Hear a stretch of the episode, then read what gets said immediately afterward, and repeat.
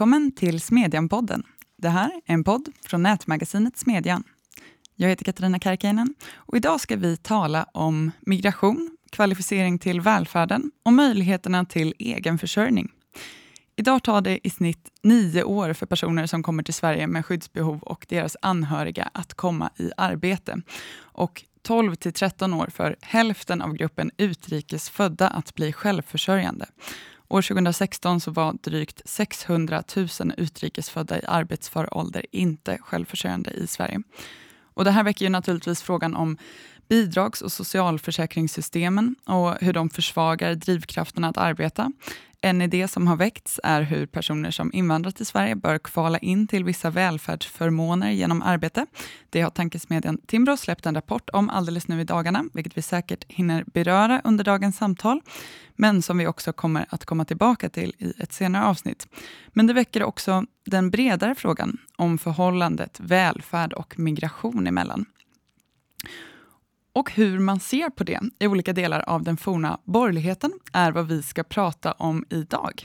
Och med mig för att göra det har jag Sven Dahl, chefredaktör här på Smedjan. Hej! Hej Katarina! Och vi har också med oss på länk från Växjö, Oliver Rosengren, moderat kommunalråd i Växjö kommun. Välkommen! Tack så mycket!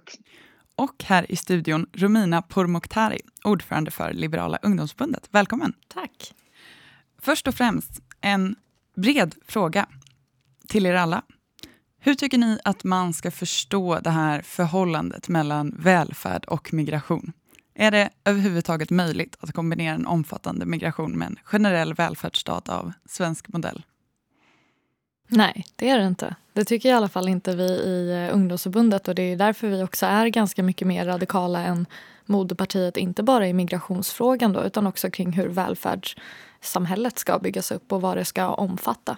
Eh, så jag tycker att det är en självklarhet och kanske någonting eh, man har unnat sig att inte riktigt ta tag i på samma sätt. Alltså ska man förespråka en, en generös migrationspolitik då kräver det att man har ett, ett samhälle som klarar av att ta emot så många och det har vi ju inte nu. Så det, det är ju ganska, ja, man blir ju inte så förvånad över att vi är i situationen vi är i nu. Intressant, vi ska komma tillbaka till det. Vad säger Oliver? Jag kommer ta varje chans jag får att eh, eh, argumentera emot eller ifrågasätta hela egentligen den frågeställningen eftersom bidrag inte är välfärd. Eh, det går inte att kombinera invandring med ett generöst bidragssystem. Men eftersom välfärd är arbete eller arbete är välfärd så är ju bidrag någon slags anti-välfärd. Det går definitivt inte att kombinera en hög migration med med eh, slapphänta bidragssystem. Men det som är välfärd, alltså en, en fungerande skola och en tillgänglig vård, eh, det är nog snarare en förutsättning för att vi inte ska ha höga bidragsutgifter även om vi har en hög invandring. Jag, jag tror att den här frågan är helt central för, för alla borgerliga partier och väldigt underskattad. Att om man tittar tillbaka till när, när eh, Moderata ungdomsförbundet som väl var först ut någon gång i slutet av 80-talet med att börja prata om en liberal, liberal migrationspolitik eh, så eh, var det ju väldigt tydligt villkorat med just att man behöver reformera bidragssystemen. Eftersom världen ser ut som den gör. Egentligen är det inte svårare, eh, svårare än så.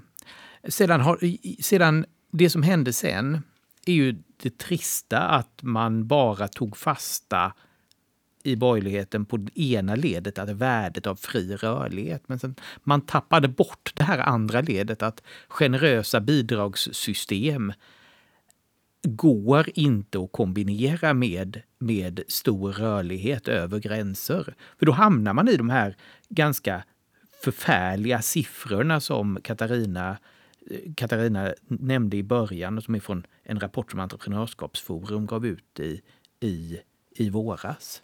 Man ska såklart i det påminna sig om att, att, att eh, alliansregeringen gjorde omfattande reformer under sin första mandatperiod eh, för att också begränsa bidragskostnaderna. Eh, jag tänker då kanske framför allt på hur man gjorde åtstramningar i a-kassan och bortre tidsgräns och andra slags avtrappningar i sjukersättningen som infördes.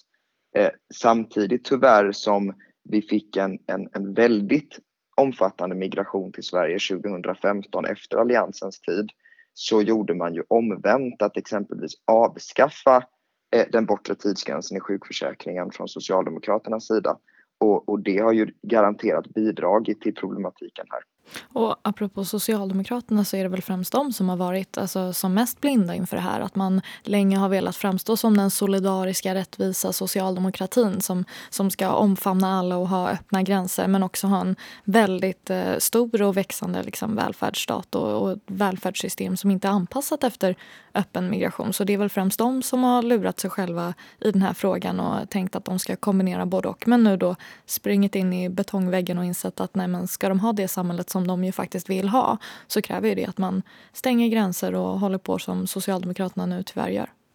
Jag tror att man kan se det lite som att eh, här, att i den här frågan kolliderade ett antal olika perspektiv där det ena verkligen är så här vår, den svenska synen på migration som närmast handlar om något, ett som ligger väldigt nära en tanke på att vi har ett ansvar i Sverige för resten av världen snarare än ett perspektiv som kanske man har i Kanada där man konstaterar att ja, migration är potentiellt en väldigt positiv kraft för att bidra till det här samhällets utveckling. Men att vi i Sverige har nästan att, har, har tänkt på ett motsatt sätt nästan. Att det är mm. vårt ansvar snarare än den som kommer till, kommer till landet, att, att, att det är deras ansvar. Bara en kort kommentar till det, för jag vill verkligen instämma i det som Sven säger. Därför att en, en, att man har haft det här vi är snälla och goda perspektivet som motiv till migrationen har ju också antagligen lagt grunden för varför politiken eh, på området och kring integrationen har varit utformad på ett sådant sätt att det också där har byggt på att nej, men vi vill bara vara snälla. Eh, och man exempelvis inte har haft tydlig kvalificering och liknande till bidragssystem utan att utan att det har varit så att säga fri tillgång från första stund eh, till, till eh, hela det svenska systemet så att säga. Men okej, vi börjar här redan närma oss pudelns kärna lite grann och jag skulle vilja höra från dig Romina. Du företräder ju ett liberalt förbund som fortfarande förespråkar en generös migrationspolitik. Eh, väldigt mycket så. Jag läste debattartikeln som du skrev där du kritiserar er partiledare Nyamko Sabuni för att hon vill att asylrätten ska tillämpas på ett liknande sätt som ja, men andra jämförbara länder. Det kanske framförallt handlade om Norden som jag förstod det. Och samtidigt så ser ju verkligheten ut som, som sådan som du också beskriver, att integrationen inte fungerar. Och kostnaden är ju en av de stora sakerna som, som man har att arbeta med. Över en miljon människor går på bidrag i Sverige för utrikesfödda tar det i snitt 12 till 13 år innan bara hälften har uppnått en, en självförsörjningsgrad som är ganska låg, 12 800 kronor efter skatt. Hur, hur ska den här kalkylen gå ihop? Mm. Ja, men det är en bra fråga. Det, jag tycker Sven var inne på det lite här innan i sitt inlägg att för mig så är, jag älskar ju, jag gillar inte den kanadensiska modellen, jag älskar ju den, den svenska, det svenska tankesättet. Jag, jag gillar ju att som politiker tänka att ja, men vad är det för värden jag utgår ifrån, vad är det för samhälle man vill se och sen bygga politik utifrån det så att säga. Eh, istället för att utgå ifrån verkligheten och skruva på olika skruvar. Så för mig är ju en av de grundläggande delarna att eh, man, ska, man ska tro på en global solidaritet, alltså en solidaritet inte bara med, med folk i Sverige utan runt om i hela världen. Och då, då tycker jag att ja, men om jag utgår ifrån att jorden är gjord för alla människor att leva på, vilket jag verkligen grundläggande gör eh, som, som liberal, eh, så får man bygga efter det så att säga. Och det gör ju att jag inte tycker som Liberalerna i frågor som, som rör välfärd i mångt och mycket. Det finns ju väldigt många utgifter som jag vill dra ner på och som Luff vill dra ner på där vi har skrivit eh, flertalet rapporter kring olika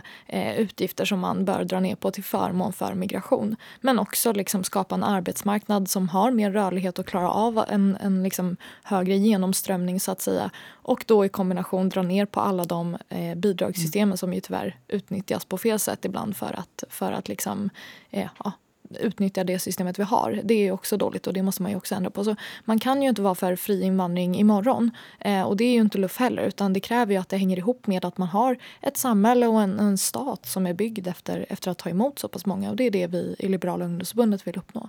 Vi försökte läsa på mer migrations och integrationspolitik också i fråga om just det här med kvalificering till välfärden, men lyckades inte hitta så mycket. Däremot så hörde jag hur du rök ihop med Moderata ungdomsförbundets ordförande i er gemensamma podd. Vill du berätta vad som är er hållning vad gäller de här frågorna, eller det här frågekomplexet? Nej, men eh, det är ju självklart att man kan eh, diskutera kvalificering till välfärden, eh, absolut. Men vi ser det ju främst, alltså som, det, det främsta behovet ser vi är att, är att liksom dra ner på välfärden i allmänhet. Alltså, mm. vi, vi är rätt liksom, eh, rakt upp och ner liberaler vad man ska säga i ungdomsförbundet och tycker väl att man kan, eh, det, det, mesta klarar man sig utan att det går in eh, skattepengar i. Liksom. Eh, och det, det kräver ju att man har Eh, alltså har man ett sånt samhälle som är så pass grundläggande så, så kan man klara av mer migration och det har vi inte nu och då går det ju inte att ta emot folk. Det förstår ju varenda liberal också att, att har vi ett samhälle som vi har idag så går det inte att ta emot folk men, men gör man de förändringarna som krävs och som kanske är lite obekväma men som också är liberala då, då har man ett samhälle som klarar av mer invandring. Men exempelvis den här rapporten som Timbro har släppt kring, kring eh, inkomstförsäkring tycker jag låter jättebra. Eh, och det är ju definitivt ett exempel på hur man kan bygga upp system som, som, som ja, stimulerar och gynnar, gynnar mer arbete. Och det är ju självklart någonting liberaler är för. Så att, jag tror att eh, anledningen till att jag och, och Benjamin Dora i, i eh, podden kanske ryker ihop mer är väl för att han kanske ser på det lite för svartvitt enligt mig. Eh, så, så vi, är inte, vi är inte helt eh, orealistiska när vi säger att vi vill ha fri invandring utan det är på lång sikt någonting vi vill uppnå genom att montera ner mm. eh, välfärden så som, den, så som den ser ut nu när man bara pumpar in skattepengar i den helt utan, utan konsekvenstänk. Mm. Det är ganska svårsålda reformer kan man tänka. Absolut, det är inte lätt att vara liberal. Oliver, du är ju liberal och moderat och har varit det ett tag nu är du i kommunpolitiken, men du satt också i Moderata ungdomsförbundets eh, förbundsstyrelse 2014 till 16 tror jag. Det är Stämmer. ganska mycket som har hänt på den här tiden. Hur skulle du säga att din syn på de här frågorna eventuellt har förändrats? Jag skulle säga att eh, jag på många sätt har eh, behållit mitt grundanslag i synen på vad som är långsiktigt önskvärt av att människor ska kunna bosätta sig där de vill och, och, och att vi ska ha en, en, en, global öppen värld. Däremot så kan jag också beskriva det som att eh, det här som jag tror var hela Moderaternas grundproblem med migrationsfrågan under en lång tid och som i efterhand har gjort mig rätt förvånad över oss själva. Alltså idén med Nya Moderaterna var ju att väg, man kommer in med sina värderingar i en fråga och så väger man dem mot en verklighet där det finns en rad olika begränsningar. Det finns budget, det finns folklig förankring och legitimitet, det finns internationella regler och så vidare. Och i fråga efter fråga efter fråga så, så att säga vägde man in de här sakerna mot varandra. Men i migrationsfrågan i väldigt hög utsträckning så nöjde man sig med att bara komma med sina värderingar. Eh, och, och, jag har i grunden inte förändrat mina värderingar kring migration och invandring men har däremot börjat se på den frågan som jag ser på alla andra frågor. Alltså att vad man tycker måste vägas av mot vad det kostar, vad folk tycker om det, vad som är möjligt i praktiken. Som ansvarig då för bland annat flyktingmottagande integration i en kommun så blev det inte minst 2015 uppenbart att det behövdes systemförändringar, grundläggande förändringar i hur Sverige arbetar med, med, med mottagande. Exempelvis i termer av ordning och reda i mottagandet, att ha koll på vilka som kommer hit, men också i termer av, av, av bidragssystem, transfereringssystem, ersättningsmodeller till kommuner, till människor och så vidare. Sven, nu tycker jag att du får ta på dig statsvetarhatten här. Hur, eh, hur ser du på de här förändringarna utifrån? Jag, jag, jag, tycker att det är, jag tycker Olivers beskrivning av, av så här Moderaternas alltså det som ibland beskrivs som Moderaternas positionsförändring i migrationsfrågan är väldigt träffande. För jag känner, jag känner ju inte alls igen den här, den här tanken att massor med moderater skulle ha svikit sina ideal som man kan ibland höra i debatten. Däremot är det ju fascinerande hur en del av liberalismen, nämligen tanken på den egna försörjningens värde, gick förlorad i, i just migrationsfrågan. Här hade vi en alliansregering under, under åtta års tid som egentligen inte gjorde annat än att prata om arbetslinjen och gjorde jättemånga mm. viktiga reformer. Men sen blir på något sätt just migrationsfrågan blir lite, ja, den blir undantaget här och kopplas loss från arbetslinjen. Varför du får den här jättemärkliga situationen att, att socialister idag kan gå runt och hylla Fredrik Reinfeldt för att han var för en generös invandringspolitik samtidigt som de avskydde hans eh, arbetslinje. Alltså det finns någonting som inte går ihop där. Och där tror jag, där tror jag att, att eh, faktiskt borg, svensk borgerlighet har en jättestor läxa att göra. Att så här, migrationspolitiken går inte att behandla på ett annat sätt än övriga politiska frågor. I grund och botten kokar den ner till en, till en, eh, en ja, men hög-vänster-konflikt som handlar om så här, ja, men bidragssystem, arbetsmarknad och den typen av frågor. Men okej, superkort. Vi ska släppa in Romina också. Men varför, hur, hur, hur, kommer det sig, och förlåt jag vet att vi har ältat det här till förbannelse, men jag tycker att frågan fortsatt i den svenska offentligheten inte riktigt har fått svar. Hur kommer det sig att man inte lyckades hantera det här frågekomplexet utifrån alla de perspektiv som man annars anlägger på politiken? Jag tror att det finns två skäl. Dels det som jag nämnde tidigare, att det finns en historia av att migration eller invandring har kopplats ihop till global, med global solidaritet och enbart sett som en fråga där Sverige har råd. Och att man inte, att man inte tänkt på konsekvenserna, att det passade ganska bra in i ett sånt narrativ. Det andra är förstås det partipolitiska, att eh, det för många liberaler var ganska naturligt att ta avstamp i så här värdet om fri rörlighet. Inte minst när Sverigedemokraterna mm. blev en politisk kraft.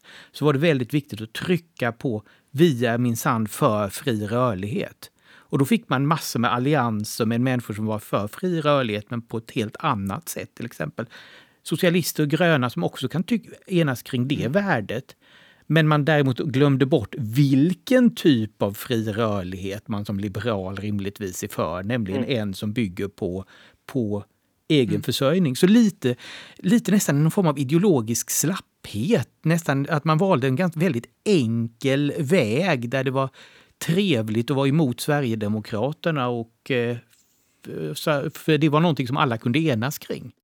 Ja, nej men där tycker jag att det är väldigt synd att det numera känns som att det faktiskt är Liberalerna och, och Centerpartiet i viss mån som främst pratar om vikten av självförsörjning, integration, arbetsmarknaden, hur ska vi styra upp det här? Medan Moderaterna och Kristdemokraterna är inne på att eh, ja, locka tillbaka väljare genom att prata om att vi ska minska på invandringen och vi ska minska på migrationen och så här ska vi se till att de här personerna inte eh, får familjeåterförening och vi ska inte ha någon amnesti. För, alltså att det är liksom där fokuset ligger för Moderaterna och Kristdemokraterna medan Liberalerna och Centerpartiet är de som står kvar och pratar om självförsörjning på ett sätt som Fredrik Reinfeldt gjorde. Så jag tycker det är synd att man har tappat det perspektivet och jag tycker det är där borgerligheten splittras och inte, inte på något annat sätt.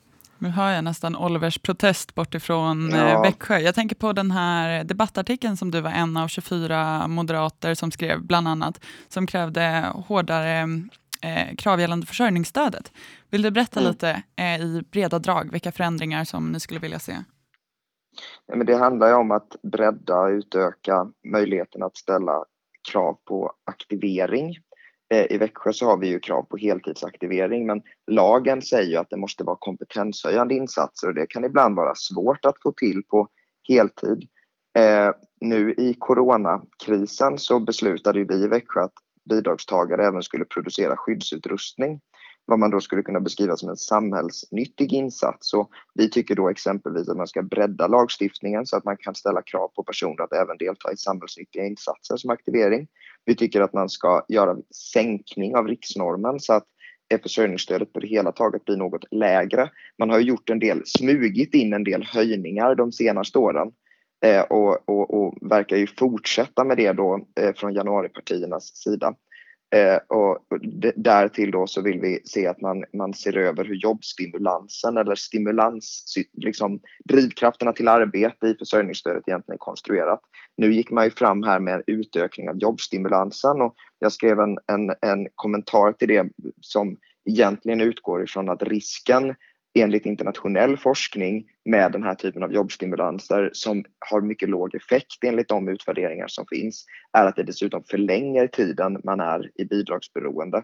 Så att man behöver nog, eh, det är en misslyckad gammal alliansreform som nu tyvärr regeringen då ser ut att vilja utvidga ganska kraftigt. Eh, så det, det behöver man nog tänka om kring för att, ta, för att ta några exempel. Men när det gäller den här den här frågan om huruvida vi skulle ha på något sätt tappat bort arbetslinjen så är det givetvis helt felaktigt. Det är ju, eh, så om jag hörde rätt förra veckan, Centerpartiet och Liberalerna som presenterar skatteförändringar som helt har tappat arbetslinjen där man höjer bidrag lika mycket som man sänker skatten på arbete. Eh, och, och, på det sättet kommer vi inte förbättra integrationen i Sverige så det är väldigt olyckligt att man har övergett en stolt allianstradition av att göra skatteförändringar med stora jobbeffekter. Men jag tycker det du pratar om Oliver låter jättebra. Det är ju bara synd att det inte är det Ulf Kristersson och, Elisabeth Svantesson pratar om. De pratar ju inte om, om det du är inne på, hur vi ska förbättra våra bidragssystem, hur ska vi se till att eh, få ut folk på arbetsmarknaden. Det perspektivet saknar jag. Alltså det, det man mer pratar om är ju gängkriminalitet och det är hårda tag och det är stänggränsen. Och det, är liksom, och det är fullt rimligt att det är det som lockar. Det är ju inte särskilt spännande tyvärr att läsa eh, rapporter om, om självförsörjningsgrader och hur man ska stimulera socialförsäkringssystem och sådär. Det är ju inte jätte, det är inte jätteattraherande. Inte alls Det är väl det mest spännande som finns. Ja, precis. Nej, men, eh, ja, så det är ju det är synd för att, för att det du säger håller jag ju med om. Det, det finns ju uppenbarligen eh, jättestora problem i våra bidragssystem och det är ju Nyamko och Liberalerna ute och pratar om så ofta vi kan. Vi, vi håll, där håller vi ju med er. Men eh, i liksom prioriteringen i vad det är man lyfter och vad det är man attraherar väljare med så tycker jag att det är, det är lite olika ton från oss. Nej, men om det är arbetslinjen som är prioriterad då kan man inte heller gå fram med skatteförändringar där man helt har glömt bort arbetslinjen. Alltså det blir lite märkligt att man har chansen att göra stora skattereformer som får fler i arbete eh, tillsammans med exempelvis Moderaterna och Kristdemokraterna. Men, men istället då så gör man nu skatteförändringar som eh, också innebär att man höjer bidragen på motsvarande sätt som man sänker skatten så att det inte lönar sig mer att arbeta. Eh, det kommer ju inte ta människor som lever långvarigt utan arbete, utanförskap och nyanlända som inte har ett arbete till ett arbete och till arbetsgemenskap utan fortsätta eh, att bygga på ett utanförskap och det tycker jag är en, en, en olycklig utveckling att man glömmer arbetslinjen i skattepolitiken. Jag tycker att, jag tycker att det är intressant att titta lite på alltså, tidsperspektiven. För det är någonstans här, det finns en krock i tidsperspektiv här som verkligen blir att ja, å ena sidan har vi jättestora problem här och nu som man kanske faktiskt måste lösa just genom att säga så här att ja, nej, vi finns en så pass stor integrationsskuld som jag tror är, är Nyamko Sabunis ord kring det här så att man kanske måste, man måste strama åt invandringen. Mm. Mm. Å andra sidan, ja, det förhindrar ju faktiskt inte att man långsiktigt kan utforma en politik som ser värdet av, av rörlighet över gränser. Alltså jag tror att man måste klara av att och ha båda de tankarna i huvudet samtidigt. Med risk för att låta som Ulf Kristersson där. Han brukar väl säga att man ska ha två tankar i huvudet samtidigt. Långa och korta linjer. Och de, de långa och korta linjerna där. Um, men alltså, jag, jag, tror att, jag, tror att det är, jag tror att det är helt centralt för, för borgerligheten att på något sätt hitta tillbaka och klara av att se att man faktiskt är ganska överens om de här två mm. sakerna. Att konflikterna inte alls är så stora som de kan verka när den ena sidan betonar det korta perspektivet och den andra sidan mm. bara betonar det, det, det långa perspektivet. Jag vill bekräfta Sven, det är en viktig del i det där att Moderaterna, och det, det bekräftar också Romina på det sättet som hon, hon, hon eh, beskriver synen på hur, vad Moderaterna just nu gör. Att man har från Moderaternas sida misslyckats att göra tydligt att våra omläggningar på de här politikområdena beror inte på något annat parti utan på verklighetens förändring. Alltså för att återigen återgå till någon slags hyllande från min sida här av metoden man använde i Nya Moderaterna. Eh, för mig är Nya Moderaterna liksom inte en, ett sakpolitiskt projekt i första hand utan ett metodprojekt. Att man bryr sig egentligen inte om vad Socialdemokraterna sa då utan man har politik som svarar på dagens problem. Samma sak när det gäller migrationen, integrationen. Många upplever att det är en anpassning efter Sverigedemokraterna.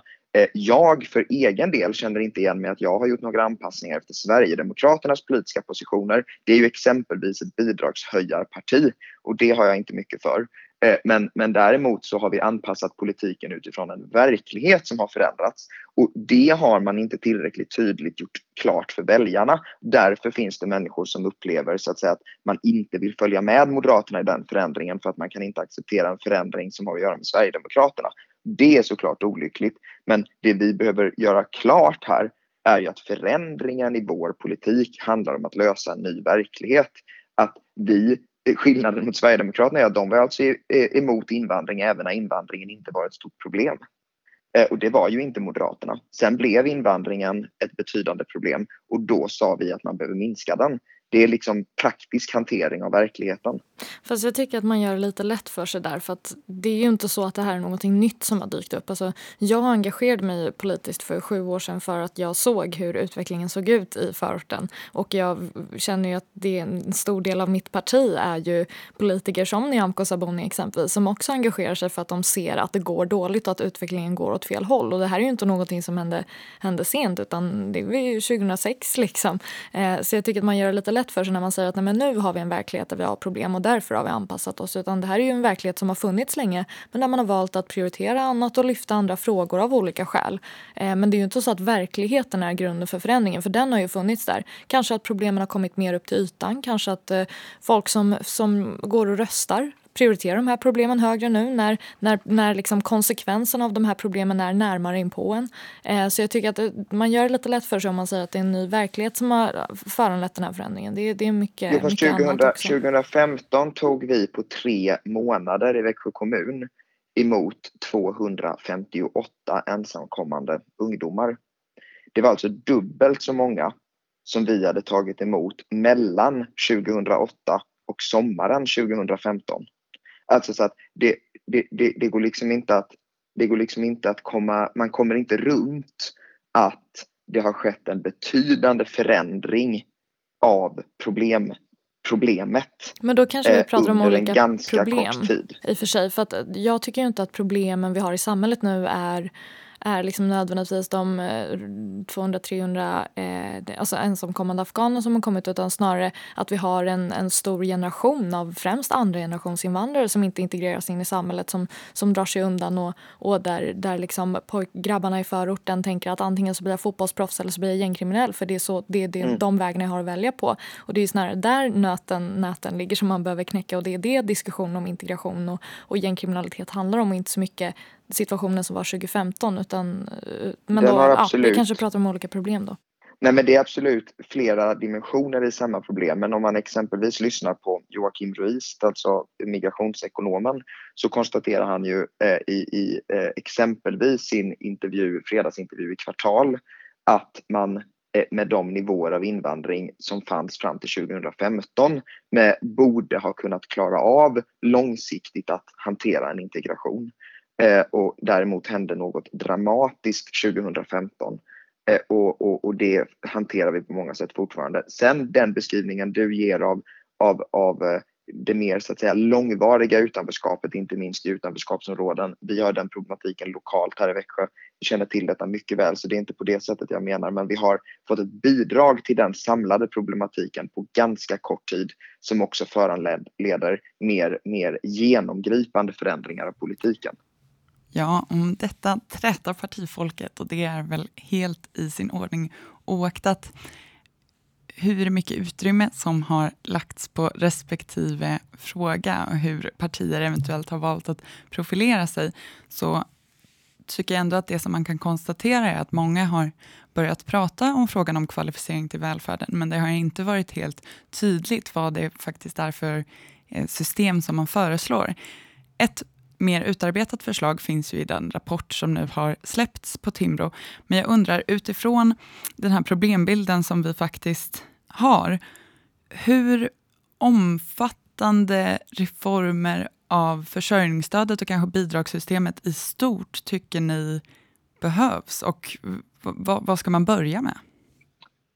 Det behövs en total eh, bidragsreform som gör eh, om vårt bidragssystem i grunden skulle jag säga. Eh, man bör antagligen avskaffa försörjningsstödet, ersätta det med ett kommunalt arbetslöshetsbidrag med avtrappningar, den typen av system. Man eh, har ju i den här Timbro-rapporten det mest konstruktiva, konkreta förslaget kring kvalificering till bidrag som har kommit på mycket länge, eh, skulle jag säga, kanske, kanske som vi har i den svenska debatten. Eh, det, jag har läst med mycket stor behållning om de här förslagen. Sen finns det en del saker man kanske borde vrida lite utifrån huvud, huvudförslaget men, men idén om att bygga ett sånt här eh, konto på det sättet som man föreslår eh, har, har många fördelar och det är många partier, inklusive mitt eget, som över tid har sagt att vi behöver kvalificering till, till, till bidrag men utan att definiera på vilket sätt en sån reform skulle kunna utföras. Och här har vi ett bra exempel på det tycker jag. Ja men det finns ju, jag håller helt med, det, det behövs verkligen ett, ett stort samlat grepp och en genomsyn av hela systemet. Det, det blir ju lätt så när man har vad ska man säga, när man, när man har system som inte är anpassade efter den verkligheten man står inför så, så möter man ju snabbt dels problem men också en situation där folk utnyttjar systemet till sin fördel. Och där gäller det inte bara liksom enskilda personer utan, utan liksom på mer systematisk nivå. Jag kan tycka att det är lite men som med sjukpensionärerna och Göran Perssons tid. Alltså att man verkligen lurar sig själv och har unnat sig att göra det ett bra tag nu. Men nu kanske verkligheten börjar komma ikapp. Och, och man kan ju definitivt konstatera att om man har en liksom kraftig lågkonjunktur eller, eller ja, nu med corona fick vi smak på hur, hur det verkligen kan bli när det slår till. Och, och att då stå i ett sånt läge som vi gör, det skulle ju få förödande konsekvenser för, för liksom svensk ekonomi och svensk samhälle i allmänhet. Och där tycker jag att det är ett exempel på hur man, hur man kan eh, utnyttja det här systemet eh, tänkte jag dela med mig av. Jag ska inte säga vilken kommun, men det finns ju exempel på eh, faktiskt kommuner som, som anställer någon i, i sex månader och sen sparkar den för att det ska vara en utgift som staten har istället för kommunen. Mm. För, för att liksom komma undan. Och Det är ett tydligt exempel eh, på hur man, hur man liksom brukar det här systemet där, där man inte har den modellen som den här rapporten föreslår.